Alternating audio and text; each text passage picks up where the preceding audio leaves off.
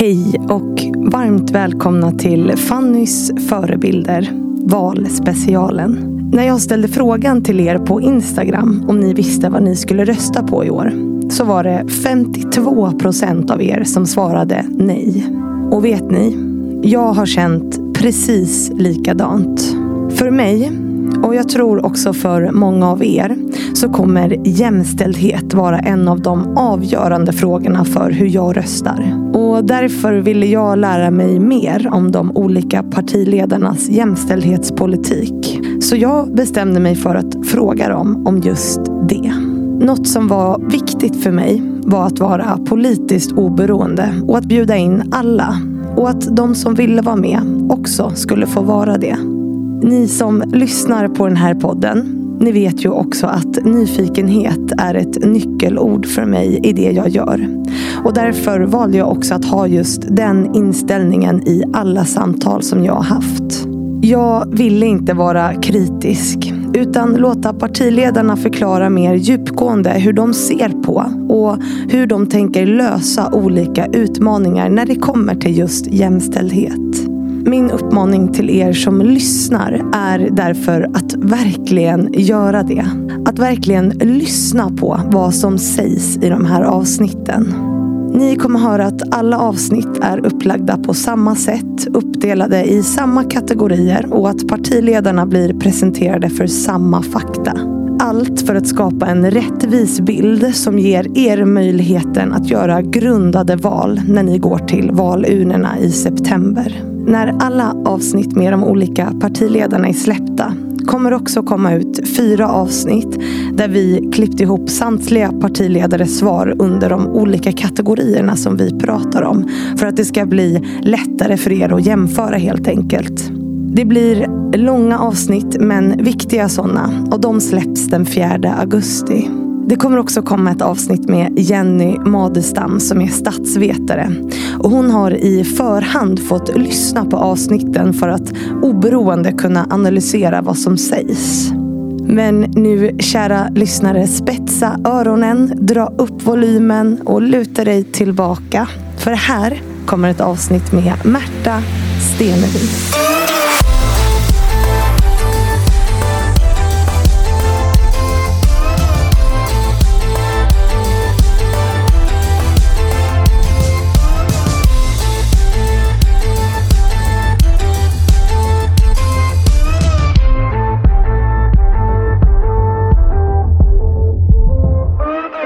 Så vi säger hej och varmt välkommen till Märta Stenevi. Ja, men stort tack. Fint att vara här. Ja, du är språkrör för Miljöpartiet. Stämmer.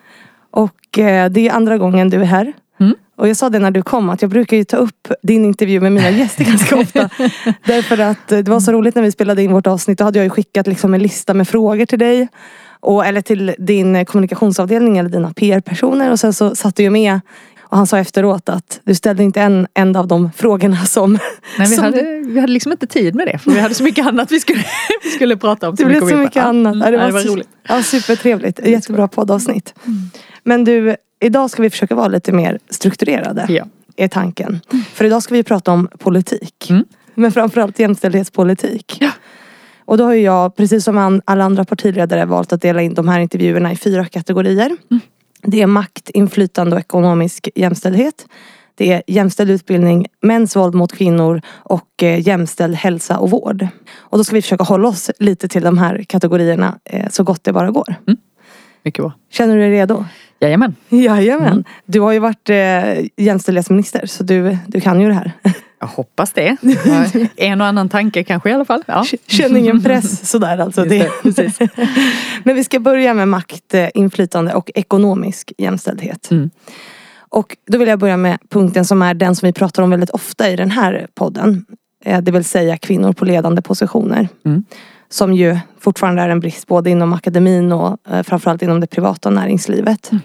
Och här pratar vi ju väldigt ofta om kompetens, rekrytering, ledarskap. Men vad tänker du, vad kan man göra åt politiskt åt det här? Har du någon tanke om det? Jag tror att representation överhuvudtaget är, eh, är jätteviktigt i ledande positioner. Och det gäller ju dels liksom representation mellan könen men det här är någonting som jag funderar mycket över är ju hur vi också får ett intersektionellt perspektiv på det. Det vill säga hur får vi också representation i fler led än bara på kön? Mm. Hur får vi fler icke-vita kvinnor i ledande positioner? Eh, och vad krävs då för att uppmuntra det? Mm. Eh, och det tror jag är ett, en viktig ett viktigt medvetandegörande vi behöver ha så att inte vårt jämställdhetsarbete bara utgår ifrån vit medelklass utan att vi också ser att vill vi ha fler perspektiv mm. och ha fler in i, i maktens rum, ja då kommer vi behöva jobba ganska aktivt för det. Mm. Sen eh, såg vi ju en, en, eh, ett väldigt sorgligt trendbrott förra året när det gällde representationen i bolagsstyrelser mm. efter att efter att hotet om en lag försvann, när riksdagen eh, fattade ett beslut som innebär att regeringen inte får lov att gå fram med en lag om kvoterade bolagsstyrelser. Mm. Då såg man samma år hur eh, jämställdheten började sjunka i bolagsstyrelserna. Mm. Jag vill inte inte i första hand ha en sån lag om vi inte måste. Mm. Men jag ser det som väldigt, väldigt viktigt att man arbetar mot jämställdhet även mm. i bolagsstyrelserna och annars kommer vi behöva lägga tillbaka det, det hotet om en sån lag. Mm. För det är så mycket ändå som börjar i toppen mm. eh, om vi ska också få, eh, få andra att hänga med. Mm. Sen hänger det här ihop också med villkor och förutsättningar. Hur skapar man ett arbetsliv som gör att man vill skaffa sig den kompetensen, den erfarenheten eh, som sen gör att man kvalificerar sig för, de, för toppjobben. Mm.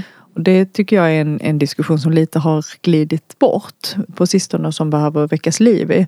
Vad är det man möter som ung kvinna i, i arbetslivet. Mm. och vilka förutsättningar får man att kombinera eh, familj och, jobb till exempel. Mm. Och inte möts av en begränsning för att man är i en viss ålder eller för att människor runt omkring en ska få barn eller man själv ska få barn. Mm. Och hur ska man då orka och våga ta de roller som krävs för att man sen ska kunna gå vidare. Hur kan vi, kan vi påverka det med politik på något sätt tror du? Ja, det kan vi genom till exempel hur vi arbetar med föräldraförsäkringen. Mm. Vi tog ganska stora kliv när vi började kvotera föräldraförsäkringen mm. och vika vissa månader till, eh, till pappan. Nu är det tre månader. Mm. Vi vill ju gå fram och dubblera de vikta månaderna. Det mm. skulle innebära att sex månader är vikt till vardera förälder eh, och sen är det sex månader kvar att, att spela med då. Och vi tror att det är ett viktigt steg mot att komma till en, till en helt jämställd eh, föräldraförsäkring. Mm. Och det här tycker jag är viktigt ur två perspektiv. Det ena är eh, liksom att ja, men tydligt signalera också från samhällets sida att det finns ett värde i att kvinnor har en egen försörjning och ett eget arbete mm. och är delaktiga på arbetsmarknaden. Mm. Men det andra handlar också om barns rätt till sina föräldrar. Att vill vi komma åt en del av de ganska skeva normer och, och föreställningar vi har i samhället så har barn behov av både sin mamma och sin pappa redan i, i en tidig ålder. Att man bygger de relationerna. Mm. Så att höja från tre till sex månader så att papporna liksom måste inom situationstecken då eh, ta sex månader av föräldraledigheten. Ja, måste måste man ju aldrig. Men det skulle ju vara ett incitament för att inte tappa de dagarna. Mm. För det här är ju betalda dagar som man kan vara hemma då. Mm. Och att ändå i och med det också, och jag tycker att det skulle vara bra att få upp en debatt om det. Därför att i och med det också börja diskutera varför är det så få pappor som tar ut föräldraförsäkring, för mm. föräldraledigt. Mm. Det är fortfarande inte ens en tredjedel av dagarna som tas ut av pappor. Och då kan jag säga att för liksom 25 år sedan, 30 år sedan när jag var ung så var vi ju helt säkra på att idag så skulle det se helt annorlunda. Mm. Jag kommer ihåg de diskussionerna vi hade för då hade det hänt ganska mycket ganska fort. Mm. Och vi var ju helt trygga i att ja, men när vi är i den åldern då kommer ju självklart våra killkompisar att ta ut liksom hälften av, av dagarna. Allt annat är ju helt orimligt. Mm. Men nu ser man så ser det ju inte alls ut. Och det skapar ju en fortsatt väldigt stor ojämställdhet på arbetsmarknaden och i de ekonomiska förutsättningarna. Mm. Ja, kvinnor tar ut 70 procent idag. Mm. Eh, och det är också, man ser ju, det här blir också en klassfråga. Jag vill gärna mm. höra dina tankar om det därför att man ser ju till exempel att högutbildade män är bättre på att ta ut föräldraledighet. Till en viss gräns. Ja. För att de, de med högst inkomster tar mm. ut väldigt lite. Mm. Så att du har två ändar i detta. Men dels har man väldigt tydlig tendens att de med låg utbildning och låga inkomster tar mm. ut mindre föräldradagar och de med högst inkomster och högst eh, positioner tar mm. också ut mycket mindre föräldradagar och sen har man en, en liksom bättre spridning däremellan. Mm. Och här finns ju en, och här är ju en problematik därför att det här börjar ju i att kvinnor har sämre löner. Mm. Vilket gör att för en familj med låga inkomster där liksom hundralapparna gör stor skillnad blir det ju lätt då att man tänker att då, det, så behöver det vara självklart att pappan fortsätter jobba, mamman är hemma därför mm. att det, då får familjen ut mer pengar. Eh, helt rimligt att, att tänka så. Mm. Men det bottnar ju i sin tur med att vi visserligen har kommit ganska långt när det gäller att få lika lön för lika arbete, det vill säga inom en yrkeskategori. Men mellan yrkeskategorier så har vi fortfarande jättestora löneskillnader. Så kvinnodominerade yrken har mycket lägre betalt än vad mm. mansdominerade yrken har. Och det, det, det innebär det är ju att kvinnor som då jobbar inom till exempel vård och omsorgsyrken, de får då lägre betalt än män med motsvarande utbildning och ansvar. Mm. Det i sin tur gör att när man bildar familj så blir det då så att säga inom citationstecken självklart att man ska vara hemma längre därför att man har en lägre lön. Mm. Där tappar man efter, där halkar man efter i lönebildningen. Det här innebär också att man har mindre pengar att placera, att spara eh, i olika typer av kapital. Eh, vi har en jätte jätteojämn fördelning av kapital mellan män och kvinnor i Sverige. Mm. Och män äger dubbelt så mycket som kvinnor. Ja, mm. och så fortsätter det här och vi har en helt annan beskattning på kapital än vad vi har på arbete. Så att mm. kvinnor skattar mycket högre på sina inkomster därför att de är från arbete än vad män gör för sina inkomster på kapital. Mm. Och på så sätt så förstärks den liksom, ojämställdheten i ekonomin hela livet och när man kommer fram till pensionsålder då har vi enorma skillnader. Och det här då kan man ju tycka så här, vad spelar det för roll och kan inte min man betala för mig när, när jag är pensionär och så. Det, så kan det ju vara. Mm. Eh, och, och kan man det och det funkar bra så är det ju bara liksom att, att gratulera. Men det innebär en ofrihet. Därför att det innebär att steget att kanske lämna en relation man inte längre trivs i eller som till och med är destruktiv blir ju mycket, mycket större. Du blir bunden till och beroende av en relation plötsligt på ett sätt som jag inte tycker att kvinnor ska behöva vara. Mm. Utan man ska kunna ta ta sina barn och gå. Eller mm. kunna ta sig själv och gå ur en relation och veta att man kan försörja sig på egen hand. Försörja sina barn på egen hand. Därför att då har man också en mycket större frihet och en mycket större egenbestämmande över sitt liv. Mm. Så att jag tror att vi måste börja i både utbildningsval men framför allt en uppvärdering av kvinnodominerade yrken. Och de är ju i väldigt stor utsträckning i offentlig sektor. Mm. Det innebär att vi politiskt faktiskt liksom styr arbetsgivaren. Eh, och eh, det finns ingenting som säger att inte en arbetsgivare skulle kunna betala mer för en tjänst. Mm. Om vi är beredda att lägga de pengarna på det som kollektiv. Ja men för hur gör vi det politiskt då? För om vi kollar på liksom den ovägda löneskillnaden så är den 9,8 procent. Men vi ser ju som du säger att kvinnodominerade yrken är ju så undervärderade och underbetalda. Ja, då pratar vi inte 9% längre, då pratar vi kanske 20-25. Ja, precis. För att man jämför, när, vi pratar om 9 och, som, eh, och förklart, då är vi fortfarande inom samma yrkeskategorier. Mm. Då jämför vi lika lön för lika arbete. Mm. Eh, men när vi börjar jämföra ingångslöner mellan olika yrkeskategorier med samma utbildning, samma ansvar, mm. då skiljer det betydligt mer än så. Ja. Och eh, jag, jag menar ju att när vi då samtidigt sitter i vården och har en kompetens brist, mm. eh, problem att kompetensförsörja, svårt att få rätt personal, svårt, att få kvinnor att stanna i arbetet i, de, i de här yrkena. Ja men då är det väl dags att vi som arbetsgivare, precis som i vilket företag som helst, säger att vi kommer behöva betala mer. Mm för det här arbetet. Därför mm. att vi måste ha rätt personer in.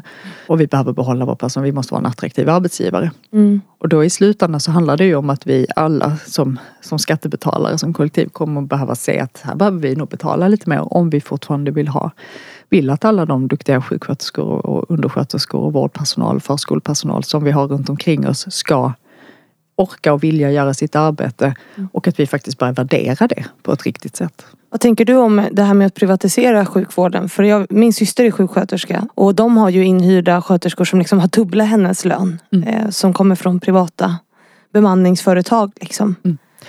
Det där är ju, jag, jag tycker ju inte att vi ska fortsätta privatisera vare sig vården eller skolan. Sen finns det delar just i sjukvården när vi hyr in tjänster eller hyr in eh, företag. Det är en skillnad på vårdvalen, då lämnar man ju liksom fritt blås mm. och då får man de här extremt skeva effekterna till exempel när man, när man har vårdval på primärvård, alltså på vårdcentraler. Då får man en överetablering av vårdcentraler på ställen som Östermalm och sen får man en utarmning av vårdcentraler i, eh, i områden där helt enkelt ohälsan är högre mm. och fattigdomen större. Mm. Eh, och det blir en väldig ojämlikhet. Den tycker inte jag att vi ska ha i offentlig sektor överhuvudtaget. Mm. Men sen finns det andra mer spets där vi hyr in företag som, liksom där man har personal som är väldigt duktiga på en viss operation till exempel. Men det, det är en lite, lite annan historia. Den är, är jag mindre, liksom, mindre aktivt emot. Mm. Men det som händer med lön med bemanningsföretagen, för att det är ju då ytterligare en variant. Där handlar det ju om att eh, vården har svårt att, den offentliga vården har svårt att rekrytera. Mm. Bemanningsföretagen anställer personal som betalar mycket mer och sen hyr de ut det då väldigt mycket dyrare tillbaka in i offentlig sektor. Och det där blir ju en och en del politiker säger då att ja, men det där är bra därför att då driver man upp den generella lönenivån och det är ett sätt för kvinnor i kvinnodominerade yrken att höja sina löner. Mm. Men det blir ju en liten grupp eh, och skapar ju då en väldig obalans och det blir också en personal som inte är en del av det arbetslaget som kommer in tillfälligt och får sämre kontinuitet i vården. Och framför allt så funkar ju bara den metodiken om då också det offentliga som arbetsgivare är beredd att gå in och börja konkurrera mm. med de privata företagen med lön om personalen. Mm. Om inte det offentliga då är beredd att höja lönerna i kvinnodominerade yrken, men då, har, då faller den modellen. Mm. Då innebär det bara att vi sitter som skattebetalare och betalar bemanningsföretagens overhead och vinst till sina ägare emellan. Mm. Istället för att lägga de pengarna på bättre löner och villkor för våra offentliganställda mm. eh, sjuksköterskor eller undersköterskor. Så jag tycker att här har vi ett jätteviktigt jobb att göra i att faktiskt kapa bemanningsföretagen genom att vara attraktiva som arbetsgivare och erbjuda bra villkor, höjda löner men också en bättre arbetsmiljö för den offentliganställda personalen. Och vi, vi har varit inne lite på, jag går vidare här, mm. Eh, vi har varit inne lite på inkomster och du har nämnt pension och vi har pratat om löneskillnader. Eh, den disponibla inkomsten som har sett Alltså disponibel inkomst är ju då allt, eh, jag förklarar för de som lyssnar som inte vet. Alltså som innefattar allt i form av kapital, pension, lön och så vidare. Den har ju sett likadan ut sedan 1995. Och då är det egentligen två saker jag vill dela upp det här i. Eh, det första är ägandeskap mm. som är enormt viktigt. Och du var inne lite på det här med beskattning och hur vi mm. beskattar lön kontra kapital. Alltså, mm. För det är något vi kan påverka med, med lag eller liksom med politik skulle vi säga. För att män äger liksom dubbelt så mycket som kvinnor. Vad gör vi åt det? Eh, vi vill se en progressiv beskattning av kapital. Mm. Det innebär att precis som, om jag bara ska förklara lite så ja, att vi liksom har... Så att man förstår. Ja, så vi tar liksom avstamp i det. Jag tror att det, det vet ju de flesta att vår beskattning av inkomst, där ökar ju skattesatsen ju mer man tjänar. Det finns ett antal brytpunkter, har också såklart mycket med var man bor att göra och så. Men det, ju mer man tjänar desto mer skatt betalar man. Och det är ju utifrån en ganska enkel logik att det blir, så här, skorna blir inte, har inte olika pris beroende på hur mycket du tjänar. Mm. Mjölken har inte olika pris beroende på hur mycket du tjänar. Alltså har du ju mer du tjänar så har du bättre möjligheter att också vara med och bidra lite mer. Mm. Eh, så att där finns ju liksom en, en fördelningseffekt i det. Att har du de förutsättningarna att du kan ha ett jobb där du tjänar mycket pengar, då är du också med och betalar lite mer för vårt gemensamma. Mm. Det har vi inte på kapital. Mm. Utan där har du samma, där betalar du lika mycket om du har liksom under flera års tid liksom gnetat ihop 20 000 kronor.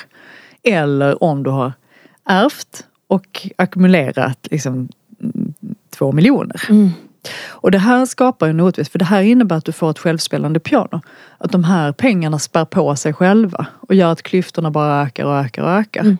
Och när vissa människor har väldigt mycket pengar och råd att betala mycket, då får du till exempel effekter på bostadsmarknaden där plötsligt priserna sticker iväg. Så vi har ju, det är svårare på en sjuksköterskelön eller en polislön idag att mm. köpa en bostad än vad det var för 30 år sedan. Så du har haft någon slags smal inflation kallar mm. Andreas Cervenka det. Jag tycker att det är väldigt intressant att titta på mm. för att där har liksom skett en urgröpning av köpkraften när man tittar på fastighetsmarknaden. Mm. Men de som då är i det kan istället då hämta ut, de tjänar väldigt mycket pengar på den prisökningen och sen så kan man ta ut det och då beskattar man mindre. Mm. Och det här får ju lite orimliga effekter för att det innebär ju till exempel att bor du i en kommun som Dorotea där skatt, eh, kommunalskatten är väldigt hög. Ja, men då kan du som låginkomsttagare betala mer skatt på de inkomsterna mm. än vad någon gör som kanske lever på avkastningen från sitt aktiekapital mm. och inte jobbar alls. Och här får vi en ojämlikhet och den syns väldigt tydligt när vi tittar på män och kvinnor. Mm. För det du säger att det inte har förändrats sedan 95, när man tittar på igen då på löneutvecklingen så, så har ju lönerna inom en yrkeskategori, de har blivit mycket mer jämställda mm. sedan 95. Eh, där har hänt jättemycket. Ja, det, här, mm. det här gapet har liksom slutits inom en yrkeskategori mm. långsamt men för varje år så går, blir det lite bättre. Men samtidigt har då på grund av att allt mer inkomster kommer från kapital och att beskattningen då ser ut som den gör. Mm. Så har ju samtidigt då skillnaderna mellan män och kvinnor ökat. Så att nu, de har ju tagit ut varandra helt så att vi, har, vi är lika mycket efter som kvinnor eh, som kollektiv i det här landet idag som vi var 95. Ja, och jag sitter och kollar mina anteckningar här för att mm. komma ihåg alla siffror. Mm. För i disponibla inkomster ingår ju också pension som ju är mm. Alltså vi har ju så många kvinnor som är fattigpensionärer. Mm. Och kvinnor har i snitt 31 procent lägre mm. pension mm. än män. Och det är ju en ganska Alltså det är ju en jättestor skillnad och en stor del av den disponibla inkomsten mm. ju. Och du har ju pratat lite om, om liksom vad vi kan göra. Är det något du vill addera där som du känner att... Ja för där har vi ju, pensionen bygger ju på ett intjänande ja. i grund och botten. Det är ju inte ett bidrag utan mm. det är ju mm. någonting man har betalat till under hela sitt yrkesliv. Mm. Och det gör ju att vi får släp i effekterna mm. eh, som vi måste hålla ögonen på nu. För de som går i pension nu har ett arbetsliv där det var en större ojämställdhet i lön. Mm. Eh, så. Några saker som vi måste hålla ögonen på det är den så kallade frivilliga deltiden. Mm. När jag pratar med, liksom, med fackförbunden så är det klart att vi har ju, mm, de flesta offentliga arbetsgivare har ju arbetat sig bort ifrån påtvingad deltid. Mm. Det vill mm. säga heltid är på pappret på många ställen idag en, en mer grundlagd rättighet. Men på grund av hur arbetena ser ut och på grund av hur arbetsmiljön ser ut och på grund av också vad som händer hemma, vilket ansvar man har för familjen och för det obetalda arbetet, så är det för många som inte orkar jobba heltid. Och det får otroligt stora konsekvenser när man sen eh, ska gå i pension. Mm. Och då är det ju lätt att säga att det är upp till var och en och man får göra sina val. Mm. Men då tänker man ju bort hela samhället vi har runt omkring oss, vad det är vi möter vad vi möts av för förväntningar. Mm. Liksom, vem är det som kommer få skit av svärmor ifall det är smutsigt i hörnan? Mm. Ja men det är troligtvis hon. Ja. Och hela den dimensionen, den kan vi inte tänka bort för vi lever i en kontext. Mm. Och hur gör vi då arbetslivet så hållbart att man orkar jobba heltid så att man också får den pensionen sen? Mm. Och för de som då redan är där, för de kan ju inte backa bandet och börja liksom jobba heltid Nej. nu. De är pensionärer mm. och kanske dessutom väldigt slitna. Där måste vi gå in och säga att här behövs en förstärkning. För mm. vi, kan inte, vi ska inte i ett civiliserat samhälle 2022 ha en situation där människor som har jobbat och slitit hela sitt liv men då också tagit ett så stort ansvar för det obetalda arbetet nu på grund av att de levde i en tid där förväntningarna var helt annorlunda eller liksom dessutom ännu starkare än idag de kan inte betala det priset nu utan då måste vi också kunna gå in och stötta med till exempel det eh, då garantitillägg som som vi har förhandlat fram med Socialdemokraterna och Vänsterpartiet som skulle innebära en ganska stor förstärkning av garantipensionärernas inkomster. Så garantitillägg det är att man får lite mer pengar på garantipensionen? Precis, det är ett, ett tillägg som skulle innebära för en väldigt stor grupp människor tusen kronor mer i mm. månaden mm. skattefritt. Och mm. det gör ju rätt stor skillnad. Sen trappas det av över en viss pension då. Mm. Men jag hoppas att det ska gå igenom riksdagen för att jag ser det som en väldigt, väldigt viktig satsning mot den gruppen. För liksom, hur, vi måste ju jobba med förutsättningarna för de som är i arbetslivet nu, mm, att mm. de inte får så dåliga pensioner sen. Mm. Men för de som redan är där, det är väldigt orättvist att säga till dem att ni får lite skillnad själva för att ni arbetade på 60 och 70-talet mm. när förväntningarna på kvinnor var ännu tuffare. Mm. Eh, utan då måste vi kunna gå in och stötta med ekonomiskt där. Mm. Ja, vi har plöjt av mycket här nu. Det är en mm. punkt kvar som jag vill ta upp under det här med makt och inflytande som jag tycker är viktig och det är bland utrikesfödda mm. kvinnor så är 45 procent 2020 arbetslösa mm. och söker inte jobb.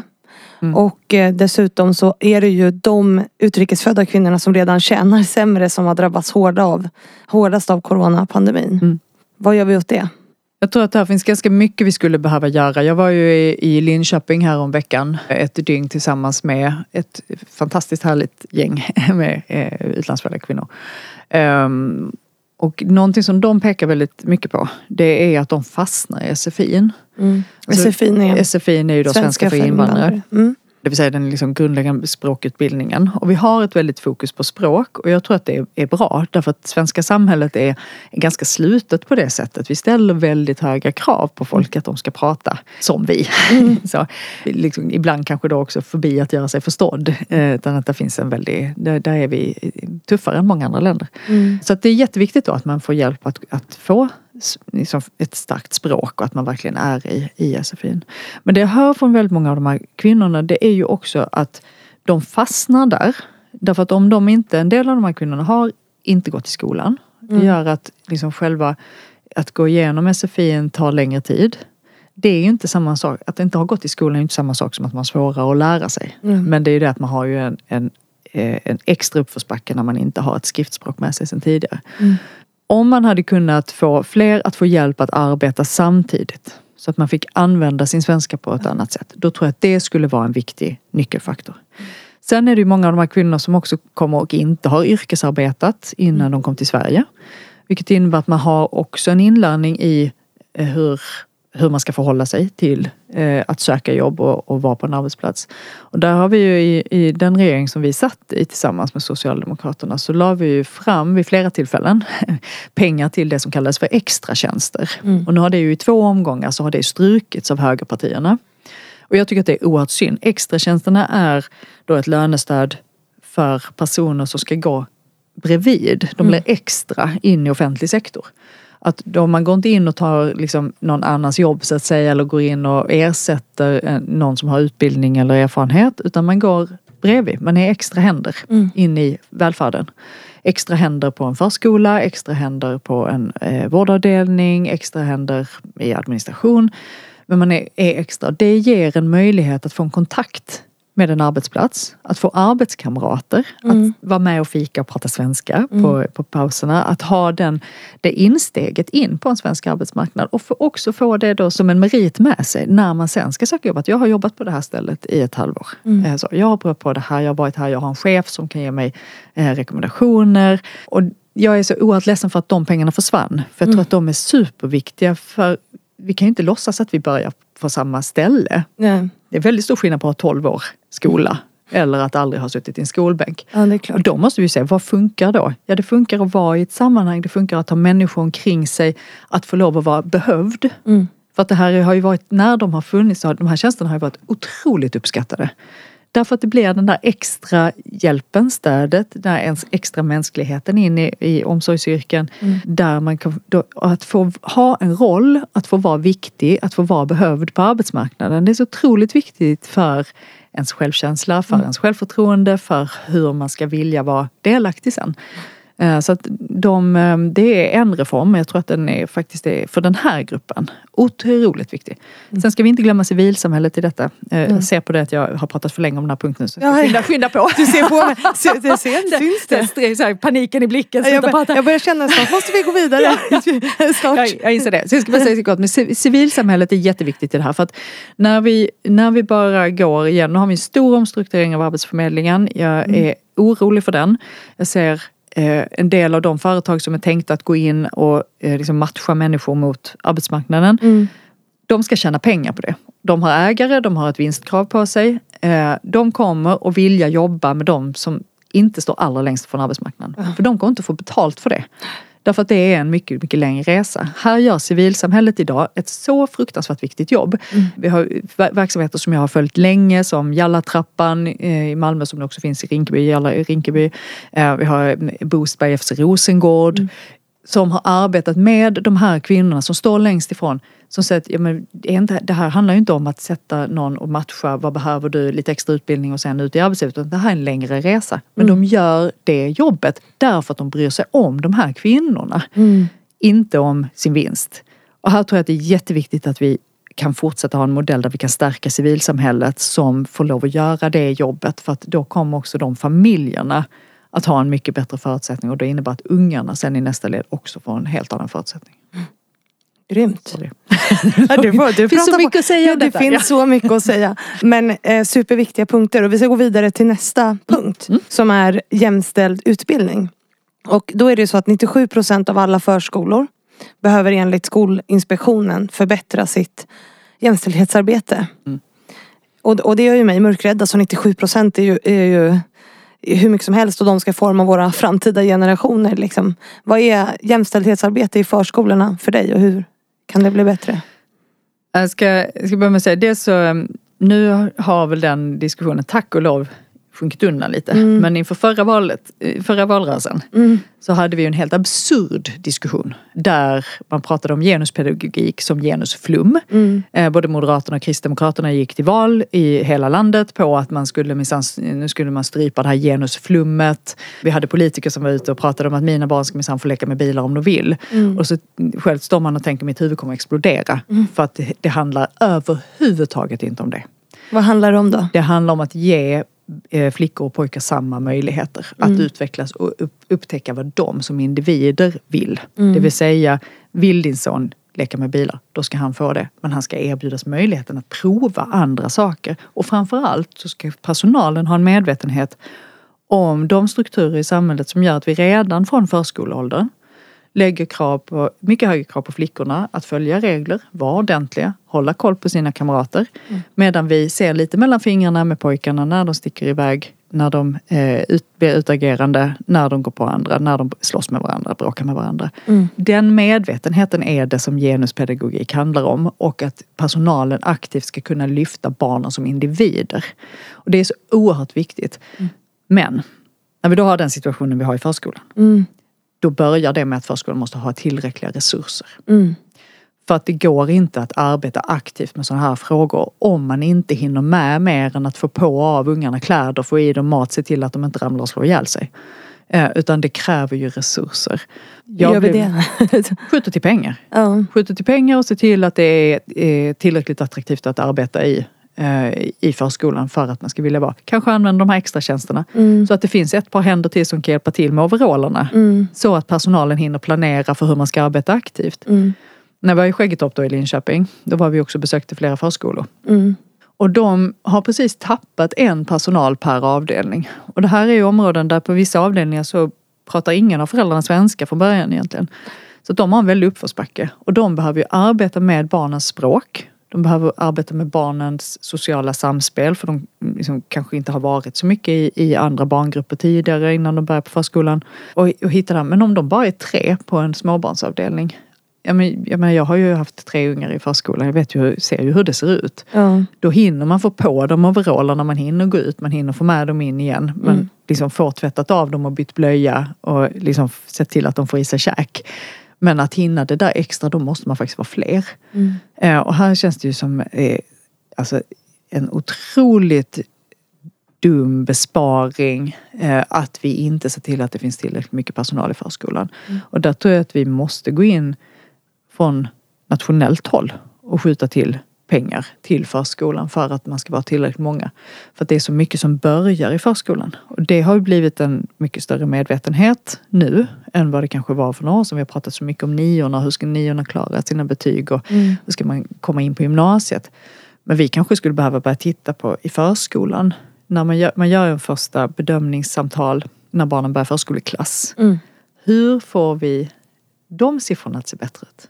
Hur stärker vi förskolan så att när barnen kommer till förskoleklass så har de redan kommit ikapp bättre? Och satsa där om vi sen i tio år senare vill att de ska vara behöriga till gymnasiet.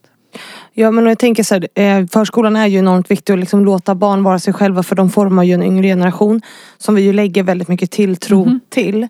Vi säger ju ofta så här, ja, men och det, här, det var någon som skrattade åt det, om det var Annie som skrattade åt att, ja men det har vi sagt i hundra år, att så, här, så fort mm. de här, den här nya generationen mm. kommer ut så kommer det liksom lösa sig. Mm. Men ändå så ser vi att en av fyra unga män enligt Statistiska centralbyrån säger att de tycker att kvinnor överdriver det här med mm. ojämställdhet. Mm. Så någonstans måste vi fånga upp den generationen också.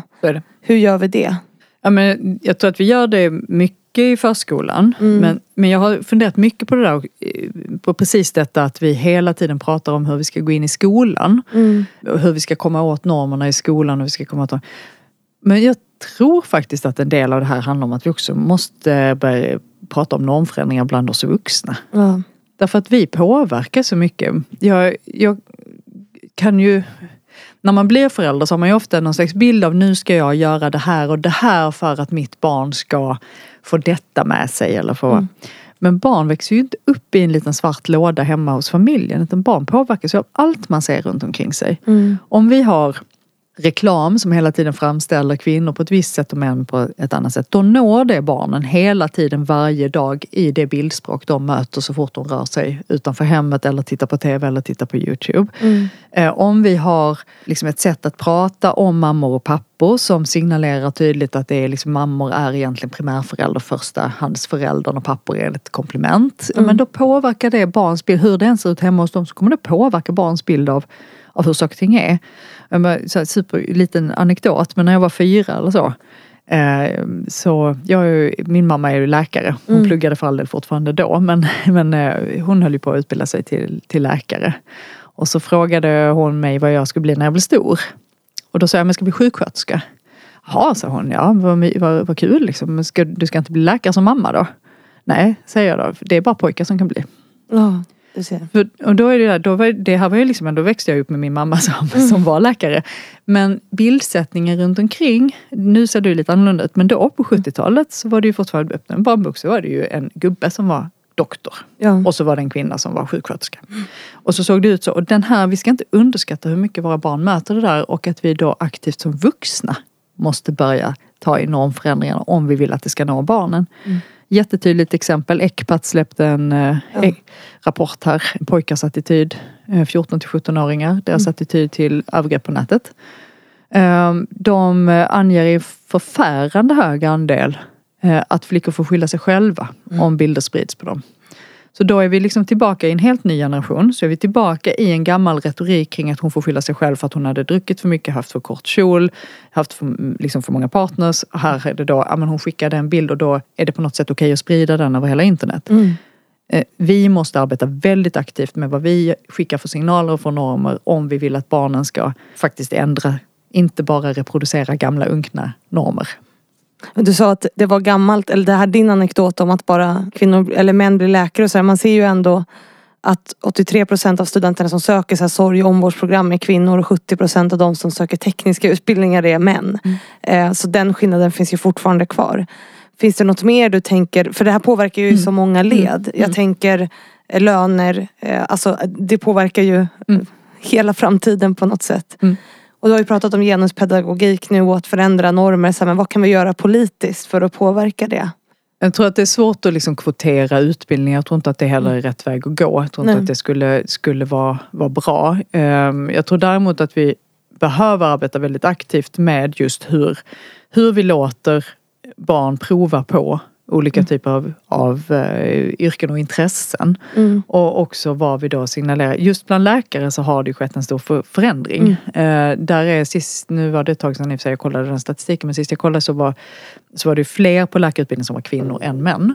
Vilket också syns i lönerna för de har också sjunkit väldigt mycket i relation till andra länder. Ja, man Ja. kan bli lite eh, sorgsen över så. Men, men ta ett mycket krasst exempel. att Vi har ju fortfarande en förväntan på män att vara familjeförsörjare. Om då alla manligt, mansdominerade yrken alltid har bättre betalt, ja då har du ju en indirekt styrning där. Så det vi, någonting vi kan jobba med politiskt det är ju att vi uppgraderar kvinnodominerade yrken och säger att ja, men det kanske faktiskt är, är värt pengar att den här personen tar hand om min farmor. Mm. Och, och se till att min farmor har ett, ett bra liv på äldreomsorgen. Det kanske faktiskt är värt att eh, betala för det här fantastiska bemötandet jag får när jag sitter på akuten med en unge som, som har skadat sig och att det finns en undersköterska där som har tid att se mig, som har tid att se mitt barn, som gör det där liksom tar hand om och ser till att vi blir väl omhändertagna. Det kanske ska vara värt pengar. Precis som det är att köra, frakta gods i en lastbil eller för den delen stå i, i, liksom, i, köra truck på ett lager. Så kanske det också ska vara värt någonting. Eh, idag så betalar vi så mycket sämre. Och så säger vi att ja, det beror på marknaden. Ja men vi är en arbetsgivare. Mm. Om vi är en arbetsgivare som säger att vi vill, vi vill attrahera fler till de här jobben. Ja, då får vi ju vara beredda att betala. Så funkar en arbetsmarknad. Och vi ska gå vidare till nästa punkt. Mm. Känns det bra? So far? Du är, du är, går jättebra det här tycker jag. Eller? Det är så roliga frågor att prata om. Ja. Ja. Eh, och jag bara... Eh, Allvarliga men roliga. Liksom. Allvarliga men roliga, intressanta. Mm. Eh, nästa punkt är mäns våld mot kvinnor vilket ju inte är en, Inte lika kul. Nej. inte lika kul. Och vi ser ju att våldet ökar. Alltså jag tror det var senast igår var det två kvinnor som mördades Mm. på en dag.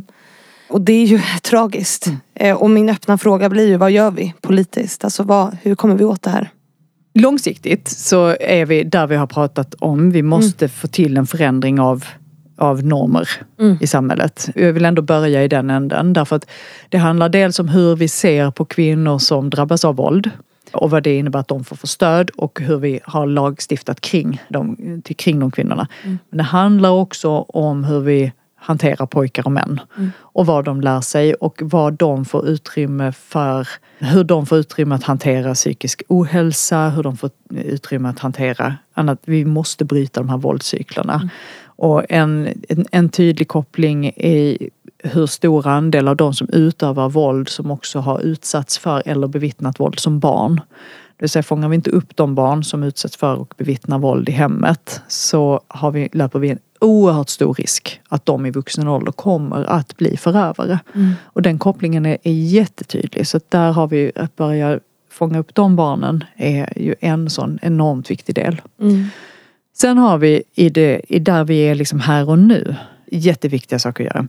Ett uppdrag som min företrädare Åsa Lindhagen eh, initierade och som jag är oerhört stolt över att vi kunde genomföra var att ge Arbetsförmedlingen, Försäkringskassan och Migrationsverket i uppdrag att utbilda alla sina handläggare i att ställa frågor om våld. Mm. Därför att när man tittar på de här dödsfallsutredningarna som Socialstyrelsen gör kring varje kvinna som blir mördad av eh, och där man har haft en myndighetskontakt så görs det en dödsfallsutredning, en typ av haverikommission om man så vill. Eh, Haverikommission. Ja, men, eh, typ, för att det går ut på att vad har brustit här? Mm. Hur kunde detta gå så långt? Mm. Och det man ser då det är att de här kvinnorna har haft så många kontakter med myndigheter och ändå har de inte fångats upp. Mm. Eh, Så att då har nu de gjort ett jättestort jobb eh, med att eh, utbilda sina verksamheter för att börja ställa frågorna. För att man ska veta och fånga upp och kunna erbjuda hjälp när någon faktiskt är utsatt för våld. För det är ett mycket stort steg att ta att berätta. Och om fler kan ställa frågorna så kan vi också hjälpa fler. Mm. Sen har vi den här absolut eh, allra, allra farligaste tidpunkten eh, i en destruktiv relation som är när kvinnan har bestämt sig för att lämna Mm. och berättar det. Och då vet vi att många av de här där, där våldet övergår i dödligt våld är i den stunden eh, och i den situationen. Vi vill politiskt då se att varje kommun ska ha ett uttryckligt ansvar för att ha en dygnet runt, året runt eh, dörr ut har vi kallat det. Men att det finns en kontakt att ta för en kvinna som är beredd att lämna. Och att det då kan göras, inte bara då att socialtjänsten har en kontakt och kan, kan hjälpa till ett skyddat boende och, eh, och en kvinnojour. Utan att man dessutom har möjlighet att dra ihop ett team som är ett liksom, sammanjobbat team med polis som kan göra både ta upp vittnesmål, dokumentera skador men också göra en hot eh, en, en hotbild, en riskbedömning och sätta in de åtgärder som då krävs för att hålla kvinnan skyddad. Det är alldeles för många som dör när de går tillbaka för att hämta kläder till barnen eller när de har kommit tillbaka till den gemensamma bostaden och där händer det någonting. Att man kan göra de riskbedömningar, sätta de begränsningar på förövaren som behövs för att, för att möta det. Att man direkt får det här stödet till barnen. Vilket akut krisstöd behöver barnen som har varit i den här situationen? För att mamman behöver ett krisstöd, mamman behöver ett stöd.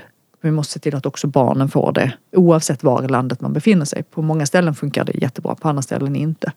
Och det här menar vi, varje kommun kan inte ha en egen eh, organisation för det men de ska ha ett ansvar för det.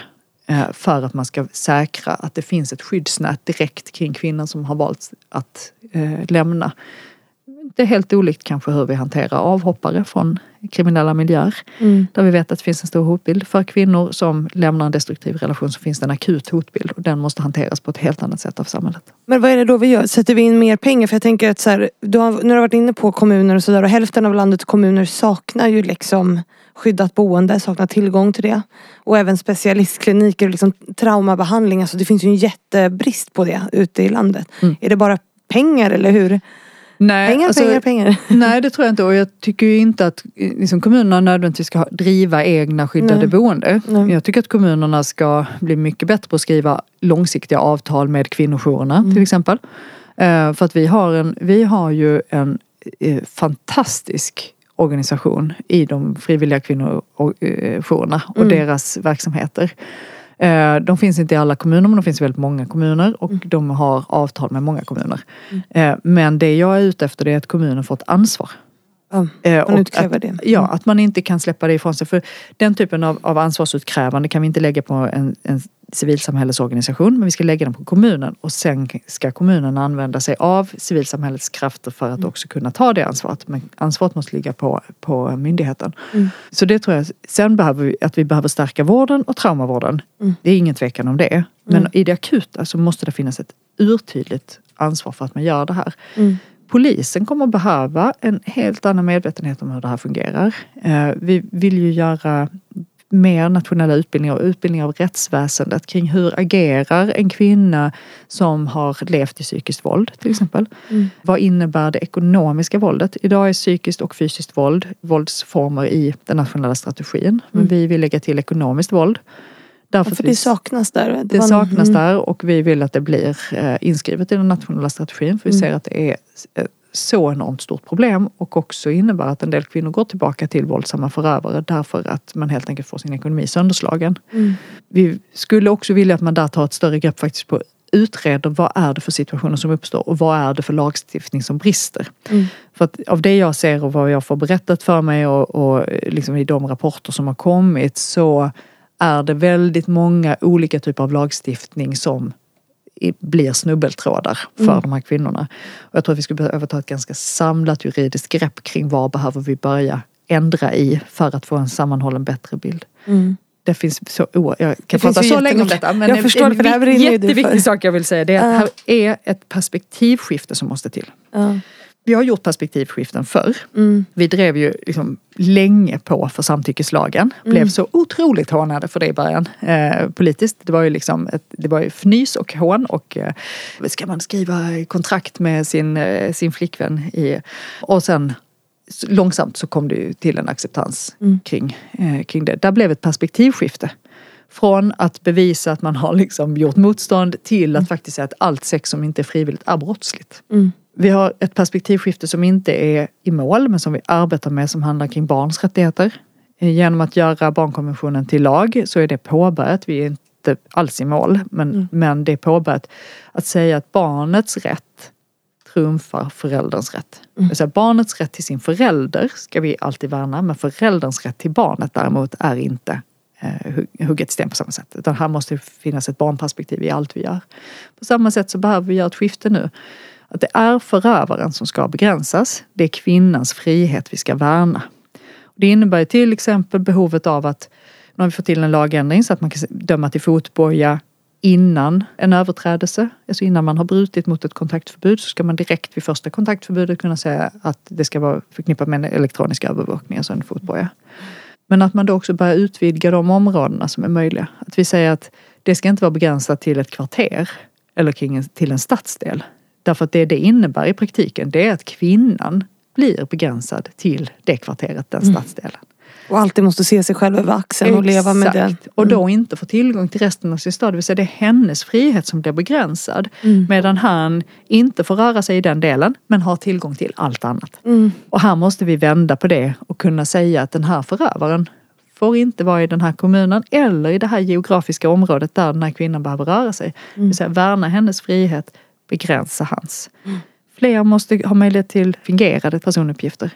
Det är ett väldigt, väldigt drastiskt steg. Det innebär ett enormt ingrepp i kvinnans liv. Men där man har blivit röjd gång på gång, där hotbilden fortsätter år ut och år in, där måste man ha möjlighet att få bygga upp sitt nya liv eh, när det är, när det är den enda vägen som, som återstår. Och det görs i väldigt liten utsträckning idag. Mm. Det är, några saker. Men jag, jag, jag, Alltså, kan hur prata hur länge som helst om detta. Men Ja, perspektivskiftet vill jag liksom trycka på som ändå som samling då, kring alla de åtgärder vi vill se. Mm. Så är perspektivskiftet det vi behöver komma åt nu. Att, det, är- att det ska vara mot männen och inte mot kvinnorna på något Ja, sätt. Ja. och att vi ser det här för vad det är för någonting. Mm. Det här handlar om grov misshandel och mord. Ja. Det här är inte någon typ av specialvariant på våld bara Nej. för att det händer inne i ett hem. Nej. Eh, Det är inte mindre dödligt för att det sker i ett, i ett vardagsrum än ute på gatan. Nej. Misshandeln är inte mindre grov för att det är någon du har en relation till än om det är någon du ligger i fejd med på gatan. Mm. Vi kan inte fortsätta ha den uppdelningen och det, de olika attityderna utan mäns våld mot kvinnor måste få samma resurser och tas på lika stort allvar som mäns våld mot män. Tack. Vi börjar få ont om tid här nu. jag tittar på Frida. Händer jag aldrig när jag pratar. Jag försöker, det händer aldrig. Det, jag tror det hände samma sak sist. Eh, det är det som är så roligt. Och jag kan sitta och lyssna på dig i hundra år. Men vi ska ta oss vidare till nästa ja. punkt innan, innan Frida blir arg på mig här för att jag inte håller ihop det tillräckligt bra.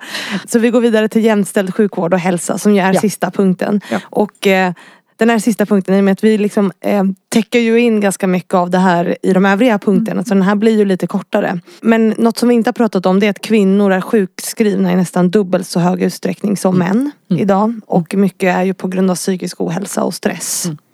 Vad gör vi åt det? Först och främst så handlar det ju, den arbetsrelaterade sjukskrivningen handlar ju om arbetsmiljö ja. och, eh, och förutsättningar. Ett mörkertal i de sjukskrivningarna har, man, har vi ju börjat ana och lära oss hänger ihop med mäns våld mot kvinnor. Mm. När man har börjat studera vad det är som ligger bakom sjukskrivningen så finns det också en inte obetydlig del av de här sjukskrivna som när man gräver i det visar sig hänga ihop med att det förekommer våld i hemmet. Mm. Så att igen, när vi, ju mer vi kan ställa frågor, Försäkringskassan har ju också det uppdraget. Ju mer vi kan ställa frågor och fånga upp våldet, där finns också en pusselbit i det. Men den arbetsrelaterade sjukskrivningen måste vi komma åt. Mm. Sen har vi kraven på kvinnor, mm. det obetalda arbetet. Det obetalda hemarbetet är fortfarande i mångt och mycket kvinnors eh, ansvar. Mm. Jag kan ju bara spekulera men jag anar ju också att det finns en dimension här av att det vi ser, förr så möttes vi av perfekta hem och perfekt, eh, perfekta kändisar och liksom skönhetsideal i reklam, i magasin, alltså en, ändå en bit ifrån liksom. Mm. Idag så möter vi skönhetsidealen och de perfekta hemmen på sociala medier. Bland människor som ska vara som vi. Mm. Och så orkar de alltså, och så blir man ju själv sittande med sitt tillkortakommande. Hur sjutton orkar den där människan se sådär perfekt ut och ha sådär, eh, hur kan kuddarna ligga sådär puffade? Ja, precis. Man bara, själv bara går runt Väldigt sällan ser ut så hemma hos mig. men nej, där finns ju, där finns ju inte, det kommer vi inte åt politiskt men jag tror att det är ett viktigt samtal för. Och vad vi mm. kan göra det är att vi tittar på hur ser fördelningen av det obetalda hemarbetet ut. Mm. Men arbetsmiljön är ju det som är absolut mest centralt, det vi kan komma åt. Mm. Sen tycker jag att vi behöver prata om kvinnosjukdomar och kvinnovård. Mm. Eh, för att det jag gjorde en annan podd i, i förrgår. Mm. förrgår med Åsa Linderborg och Bengt Olsson. Som, där man liksom tar avstamp i min 18-årsdag. Mm. Vad hände medialt? Min 18-årsdag, titta på Aftonbladet, titta på DN. Där var ett uppslag om vestibulit. Mm. Och eh, det som jag minns det var någonting som var ganska nytt att prata om eh, när jag var 18. Fortfarande så är det här ett så underforskat och underbehandlat område. Så här om, i höstas så träffade jag en ung tjej som har dragit igång ett upprop kring det här därför att hon har fått så dålig vård för sina smärtor.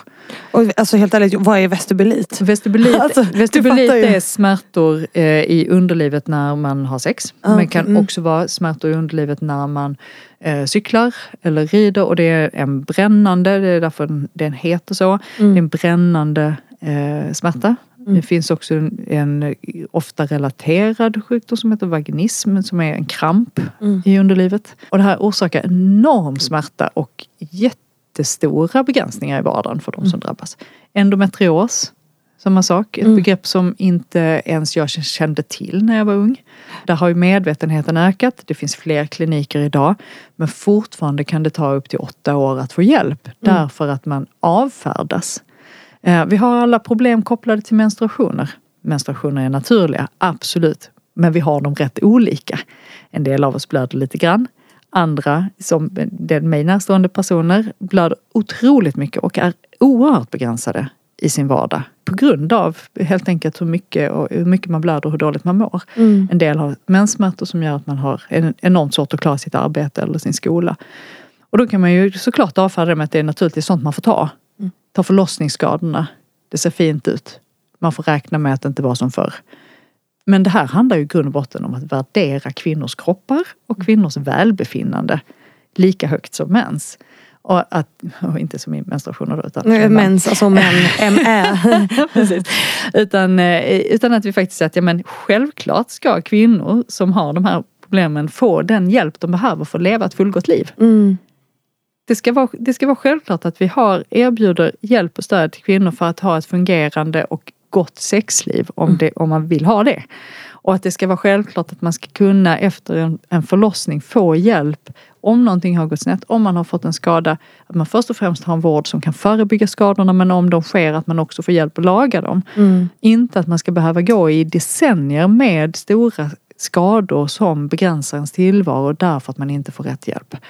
Och de, här, de här frågorna tycker jag är otroligt viktiga för att vi ska ha en jämställd sjukvård. Mm. Vad gör vi då? Skjuter in mer pengar? Nu börjar jag avbryta dig här men Forskar, forskar. Mm. forskar, lyfter upp frågorna, Mm. tar politiska initiativ till nya kliniker. Mm. ser till att det finns ett tryck från politiken att vi vill se det här i vården. Men, men också eh, faktiskt verkligen sätta till pengarna i forskningen också. Mm. Det är så mycket man inte vet om kvinnors kroppar därför att så mycket medicinsk forskning har utgått från män. Mm. Det klassiska Ja, typ, exemplet ja. är ju hjärtinfarkter Mm. som ter sig väldigt annorlunda hos kvinnor än hos män. Mycket mer diffusa symptom. Det här har vi ju lärt oss de senaste, de senaste decenniet, decennierna. Eh, Men det är fortfarande inte en spridd eh, kunskap utan fortfarande så är bilden av hur en hjärtattack eh, ter sig bygger på hur mäns kroppar reagerar vid en hjärtattack. Mm. Och inte på hur kvinnors kroppar tenderar att reagera. Och det gör ju att man igen då riskerar att få hjälp för sent. Mm. Så eh, ska vi ha en jämställd sjukvård så måste också kvinnors kroppar vara en del av både forskning och vård. Det är en fråga som jag tycker är viktig att lyfta innan vi avbryter. Eh, och det är att vi har ju sett i Sverige att medellivslängden ökar. eh, Och har gjort stadigt. Men för första gången på 200 år så ser vi att det är en demografisk grupp Mm. där medellivslängden minskar och det är Mm. bland lågutbildade kvinnor. Mm. Och det är ju tragiskt. Mm. Och vad gör vi åt det? Arbetsmiljö, Mm, Och- igen. ja, Ja. arbetsmiljö och eh, folkhälsa. Mm. Alltså vi, vi har en så ansträngd vård just nu att vi har helt fokus på den somatiska vården. Mm. Eh, I någon mån den psykiatriska vården men framförallt den somatiska vården, alltså den kroppsliga vården. När någonting är sjukt i kroppen, Mm. hur, hur botar vi det? Men om vi vill öka medellivslängden, om vi vill ha jämlika förutsättningar så, så behöver vi också ett folkhälsoarbete. Mm. Och det börjar ju oerhört mycket i arbetsmiljö. Mm. Alltså en, en arbetsmiljö och arbetsvillkor som motverkar ett hälsosamt liv och som motverkar hälsa och som blir direkt som skadligt för hälsan. Ja, då har vi ju också en väldig uppförsbacke i det andra. Men ett aktivt folkhälsoarbete som också omfattar arbetsmiljödimensionen, det tror jag är helt nödvändigt för att det, det där är en väldigt, väldigt, väldigt allvarlig siffra. Mm. För vi är ju trots allt ett progressivt samhälle som vill bli bättre hela tiden. Börjar vi backa i en så viktig fråga som medellivslängd så har vi ett problem i botten. Då måste det till ett starkt arbete för folk. Vi vill ha en folkhälsolag. Mm. Eh, Vi skulle vilja ha en lagstiftning för folkhälsa precis som vi har en sjukvårdslagstiftning. Att vi också fick en folkhälsolagstiftning Mm. för att sätta fokus på att vi måste arbeta i den änden också. Mm. Inte istället men också. Det blir också en klassfråga det här. Det är ju 100 procent en Det är klassfråga. ju egentligen bara en klassfråga. Men det, är- och det här har vi ju sett i decennier så ser vi hur, hur oerhört olika Mm. eh, hälsosamma är. Men jag, nu måste jag dra en anekdot till, Mm. så jag ska försöka hålla den kort. Eh. För länge sedan så gjorde jag ett, eh, ett studiebesök på en tandvårdsklinik Mm. eh, i, på Rosengård. Och då hade de, det här tror jag är, är mycket vanligare nu, men då hade de börjat kalla barnen eh, när de var sju månader. Mm. Eh, Och jag som då själv hade små, studsade ju lite på det. Så att men sju månader, då har ju de flesta barn har ju knappt tänder. Nej. Och i så fall väldigt lite tänder. Och Mm. äter kanske inte ens särskilt mycket mat än. Liksom. Nej. Men då sa jag, ja men eh, där, vi behöver fånga in de här barnen innan de har fått tänder och fått hål i dem. Mm. För att de hade ju sett att när de kallade vid 18 månader, om det var två år, då hade barnen i snitt redan tre hål. Och det är alldeles för mycket. Mm. Och då handlar det om att börja tidigare. Hur sköter man en tandhälsa? Eh, så, eh, och vad, vad är det som krävs? Att man får det folkhälsoarbetet tidigt så att inte barnen börjar få hål i tänderna. Mm. Men då sa de också någonting som verkligen jag bär med mig. Eh, det var att, så som, ja, sen för vi också en ojämn kamp. Mm. När vi tittar på, för då hade de runt hörnet så hade de Rosengård centrum och en stor matbutik. Så de, här inne kostar godiset fem kronor hektot. Ja. Och samtidigt kostar grönsaker så mycket mer. Så Mm. vi för en väldigt ojämn kamp här. För de som har väldigt lite pengar har inte råd med den hälsosamma maten. Nej. Och den ohälsosamma maten är så mycket billigare. Och det här måste vi komma åt. Tack. Tack. Men du, bara innan vi avrundar. Eh, för den här frågan får alla också. Om du fick börja idag, om du fick välja. Och du liksom är nu, så här, det här är mest akut. Var skulle du börja någonstans? I jämställdhetsarbetet. Mm. Då är det ändå i mäns våld mot kvinnor. Mm. Därför att man kan inte jag vill att kvinnor inte bara ska överleva utan också leva Mm. på jämställda villkor. Men man kan, inte, man kan inte börja arbeta med sitt liv om man inte har överlevt. Nej. Så att det är ändå en... Kvinnor måste vara trygga och överleva sina relationer i Mm. Sverige. Tack. Nu säger vi tack. Tack. Tack så Jättebra hemskt jobbat. mycket. Tack. Tack. Och tack kära lyssnare för att ni har lyssnat på det här avsnittet av Fannys förebilder, valspecialen. Det blir en intensiv period med många poddavsnitt. Så jag hoppas verkligen att du som lyssnar nu vill ta dig tiden att fortsätta lyssna.